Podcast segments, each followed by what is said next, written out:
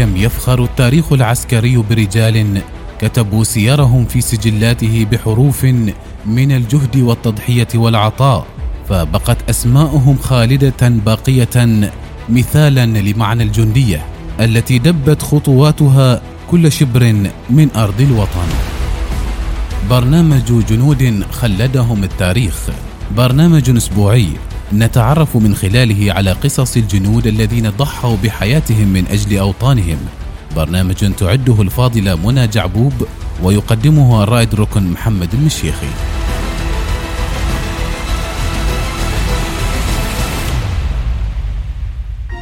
جنود خلدهم التاريخ. الجندي الصيني تشو جيتشي.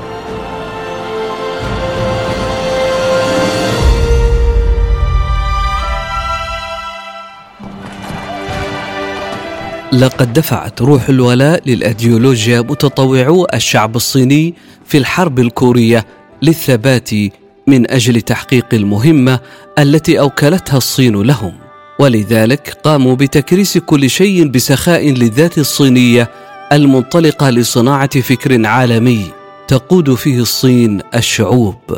هذه الروح كانت حاضرة في جيش من المتطوعين الصينيين في الحرب الكورية.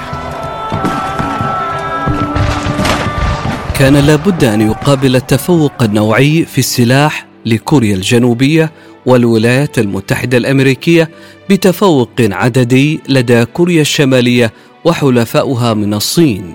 لذا تم دمج جميع وحدات المتطوعين الصينيين في كوريا في مجموعة ضخمة من القوات البرية ذات الروح المعنوية العالية والرغبة في الموت.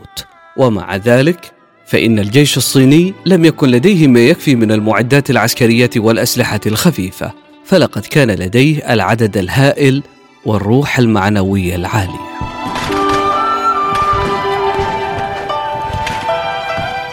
وفي عام 1950 التحق تشو جيتشينج البالغ من العمر 18 عاما بهذا الجيش كجندي وانضم إلى الجبهة الكورية في يونيو من عام 1951 وتم إلحاقه في سرية المدفعية الكتيبة الثانية من الفوج 135 من الفرقة الخامسة والأربعين للجيش الخامس عشر من الجيش الشعبي الصيني التطوعي. في وقت لاحق تم اختيار تشو جيتشنج باعتباره العنصر الرئيسي لفصيلة المدفعية. في التدريب الميداني تدرب تشو جيتشنج بجد وأتقن الأداء الفني للبنادق عديمة الارتداد المضادة للدبابات حيث أطلق تسع طلقات وتسع ضربات في اختبار الهدف. والأكثر قوة هو أنه لا يحتاج إلى مسدس عند ضرب دبابات العدو إنه يضع البرميل على كتفيه ويضربه مما يعزز بشكل كبير من حركة البندقية عديمة الارتداد. وفي عام 1952 أمر الفوج 135 بالقتال في منطقة شانجا نيلينج. يقول تشو جيتشنج إن الجيش الأمريكي لم يكن يشعر بأننا نمثل خطرا كبيرا بسبب قيادته للدبابات والمركبات اللاسلكية عبر الطريق كل صباح. ويقوم بدعايات مضادة ويطلق النار على قواتنا وسأظل أتذكر الوضع وذلك الوقت. إنهم لا يعتقدون أنه يمكننا هزيمة الدبابات. يتذكر أيضا تشو جيتشنج أن المدفع عديم الارتداد عيار 57 ملم الذي نجهز به لا يمكن أن يكون فعالا إلا عند إصابة الدبابات في نطاق ألف متر. ويقول حتى نشعرهم بالخطر يجب أن نلمس أنف العدو. في الصباح الباكر من اليوم التالي لبدء المعارك استغل تشو جيتشنج ورفاقه ماهيو ميني وزانج جينيكون الظلام وحملوا المدفعية والقذائف لنصب كمين على بعد 500 متر فقط من طريق دبابات العدو.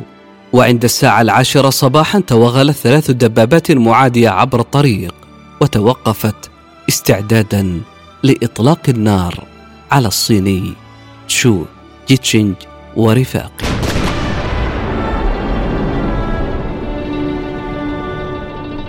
أطلقت القذيفة الأولى من مدفع تشو جيتشينج المدفع الإلهي كما يسميه رفاقه أصابت خزان الوقود بالدبابة الأولى بدقة وانفجرت الدبابة واشتعلت فيها النيران. قال تشو جيتشينج أصيب الجنود الأمريكيون بالذعر على الفور واغتنمت الفرصة للتصويب على الدبابة الخلفية. وبعد إطلاق القذائف ركض تشو جيتشينج ورفاقه في شياو هيغو ولم يمض وقت طويل حتى اندلعت رصاصات وقذائف العدو على الموقع الذي أطلقوا فيه للتو. في هذا الوقت انسحب الثلاثة بنجاح وتم الانتهاء من المهمة أيضا بنجاح وكان الكمين مليئا بالمفاجآت.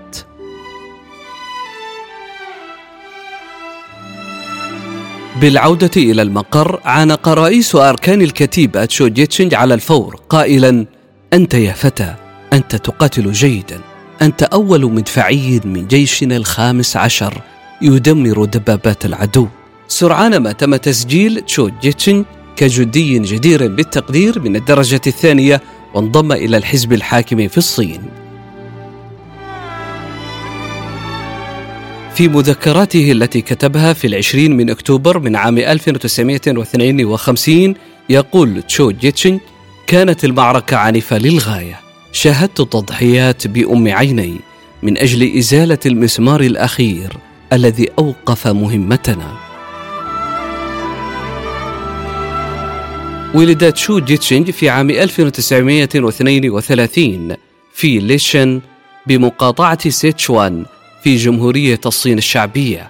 دخل جمهورية كوريا الديمقراطية الشعبية في عام 1951 مع الجيش الصيني خلال معركة شانجا لينينج أخذ تشو جيتشينج زمام المبادرة لطلب حماية هيونج جيجيانج وآخرين لتنفيذ مهمة قصف الملجأ. كان هناك 12 شخصا في فرقته لم يتبقى سوى ثلاثة بعد الحرب. الجندي تشو جيتشينج حصل على لقب good gunner لجدارة من الدرجة الأولى في عام 1971 انتقل تشو جيتشينج إلى تعاونية سوجي للتوريد والتسويق في مدينة ليتشان بمقاطعة سيتشوان كنائب للمدير في العمل بعد تقاعده في عام 1992 غالبا ما كان يخبر الشباب الصغار عن قصص القتال واستخدام الروح القتالية لإلهام الناس. يقول تشو جيتشينج لقد ضحى زميلي لي في السلاح في سن السابعة عشرة أو الثامنة عشرة يجب أن تعتزوا وتتعلموا أكثر وتكونوا مخلصين لحكوماتكم. وأن تحبوا الوطن فهو الأم التي لا تموت.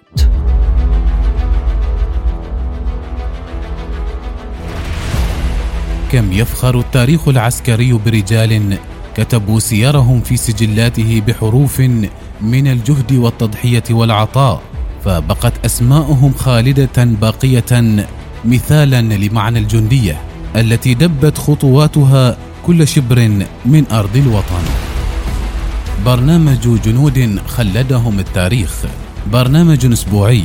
نتعرف من خلاله على قصص الجنود الذين ضحوا بحياتهم من أجل أوطانهم.